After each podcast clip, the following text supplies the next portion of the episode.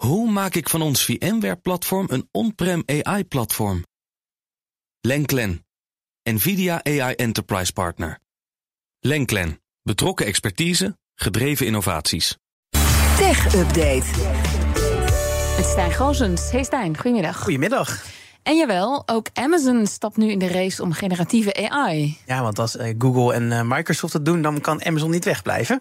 Uh, de techgigant die kondigt zojuist twee eigen taalmodellen aan, AI-taalmodellen, die vooral gericht zijn op de zakelijke markt dit keer. De AI-modellen zijn namelijk onderdeel van Amazon Web Services. Dat is het onderdeel van Amazon dat cloud computing en webdi webdiensten levert. En daar gaan dus al hele grote hoeveelheden data rond. En daar kan AI dan weer van hm. profiteren. En AWS die kondigt dus twee modellen aan, taalmodellen onder de naam Titan. Uh, een van die modellen is vooral gericht op het samenvatten van tekst en nieuwe tekst genereren. Een beetje als die AI-chatbots van Microsoft en Google ook al doen. En het andere taalmodel is juist getraind om tekstinput om te zetten in numerieke getallen, dus numerieke representatie. Die genereert dus geen tekst, maar is juist heel geschikt om bijvoorbeeld zoekopdrachten sneller te kunnen doen en het personaliseren beter te kunnen doen, omdat het veel beter context kan analyseren en relevante connecties binnen de tekst kan maken. Dat, dat is lastiger als je woordherkenning doet. Daarnaast komt de AWS met Bedrock. Dat is een soort marktplaats voor basis AI-modellen van juist derde partijen. Dus niet van hen zelf per se. Je vindt daar dus ook de beeldgenerator Stability AI. Uh, en volgens Amazon kun je op deze manier op één plek diverse AI-tools van andere partijen in één API krijgen. En uh, dat gebruiken voor je eigen producten. Alles op één plek dus.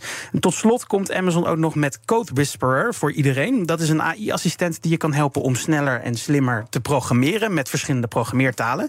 Dit alles is dus niet echt gericht voor consumenten, zoals dat bij Google en Amazon veel gebeurt, maar juist op ontwikkelaars en zakelijke eh, bedrijven. Uh, verwacht voor nu geen chatbot ook van Amazon, maar eerder chatbots die van andere bedrijven die dan weer onder de motorkap werken met Amazon. Uh, met de dienst van Amazon Web Services. vanaf vandaag kunnen bedrijven zich aanmelden om binnenkort aan de slag te gaan met die nieuwe generatieve AI-tools. Amazon werkt al lange tijd wel met AI, dus ze zijn zeker ook niet onbekend in het veld. En er is ook zeker nog wel plek in die strijd tussen Google en Amazon voor, Amazon, voor tussen Google en Microsoft, voor Amazon zelf. En de AI-baas van Amazon Web Services die zegt dan ook dat er niet één enkel taalmodel zal winnen die wedstrijd. En dat er plek is voor ja, meerdere taalmodellen. Dat denken ze zelf. En dan, twee uur geleden zou er een belangrijke Europese ruimtemissie naar Jupiter gaan. Maar dat is op het laatste moment afgeblazen. Ja, helaas wel. Ja, tien minuten voordat de, de lancering zou zijn, werd die stopgezet. De kans op bliksem was namelijk te groot bij de lanceerbasis in Frans-Guyana. Uh, en uh, ja, het gaat dan om de JUICE-missie van de Europese ruimteorganisatie. En die JUICE-missie, die, dat staat voor Ju Jupiter Icy Moons Explorer. Ja, hebben we het hier een, bij hebben het inderdaad, Carlijn heeft het hier ook al uitgebreid over, gehad. Ja. En die gaat onderzoek doen naar de ijsmanen van Jupiter. Want waar ijs is, is water. En dus misschien ook wel kans op buitenaards leven. En daar speelt ook Nederland een belangrijke rol bij, bij deze Europese missie. Want bijvoorbeeld de zonnepanelen zijn van Nederlandse bodem. En aan de TU Delft zijn ze verantwoordelijk voor de nauwkeurige plaatsbepaling en meting met radiogolven. Nou, zoals ik al zei, inderdaad, Carlijn heeft daar een mooie wetenschap vandaag over gemaakt. Dus luister die vooral terug met professor ja. Bart, Bert Vermeersen. En uh, ja, het volgende moment is vrijdag, dus morgen om uh, eh, 14 over 2. En dit soort lastingen worden altijd heel nauwkeurig uitgemeten. Dat heeft namelijk uh, te maken met de timing voor een juiste baan om de aarde.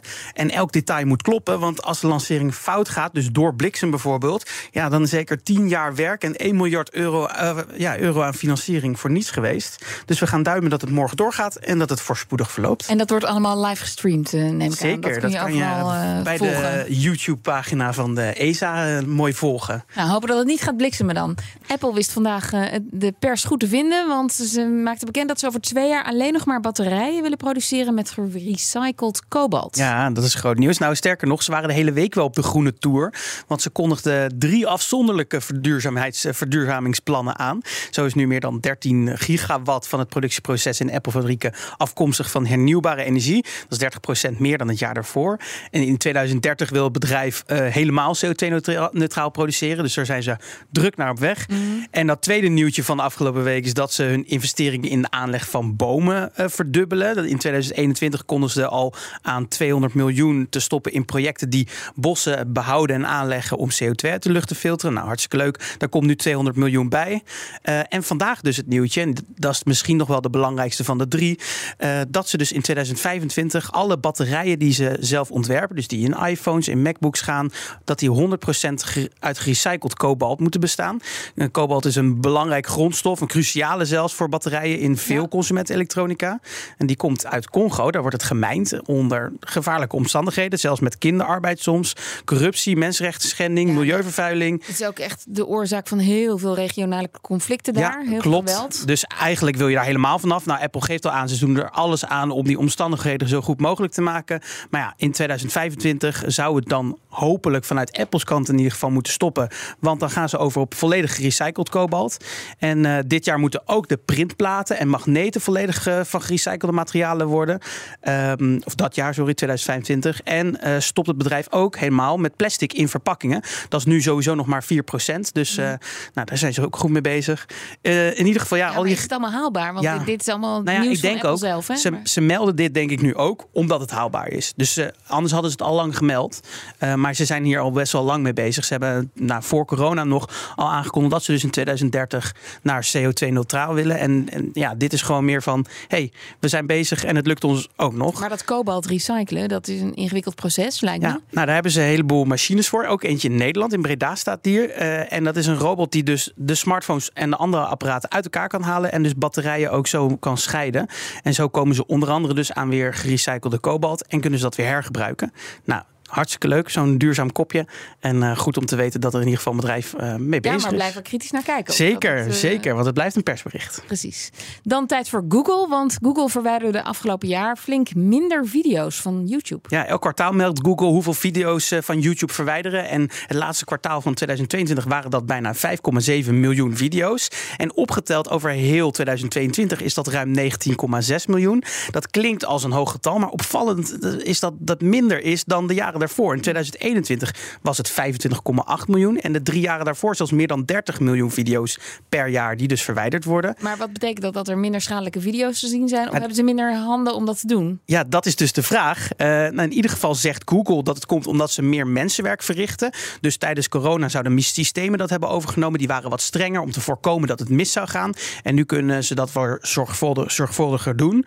Ja. Maar ik denk dan, ja, voor corona was het ook al meer dan 30 miljoen. Dus daar gaat dan toch iets hem, niet helemaal mis. Of we zijn allemaal een stuk netter geworden op YouTube, maar dat geloof ik niet. Nee. In Nederland zijn dan wel weer meer video's verwijderd, opvallend genoeg. Dat waren in het laatste kwartaal vorig jaar namelijk zo'n 29.000. Okay. Duizend meer dan het kwartaal er, uh, van het jaar daarvoor op dezelfde kwartaal. En het gaat dan om video's van, met een Nederlands IP-adres. Ja, hoeveel dat dan zegt over ons Nederlanders, dat weet ik niet. In ieder geval, de meeste video's, uh, zeker een derde, zouden van YouTube worden verwijderd omdat ze niet veilig zijn voor kinderen. En de meeste worden ook nog verwijderd uh, uh, voordat iemand zo'n video ziet. Mm. Uh, maar zo'n 271.000 video's worden verwijderd nadat gebruikers dat zelf melden. Dus dat valt wel mee. En er werden een stuk meer kanalen verwijderd in, dan in 2021, 6,5 miljoen.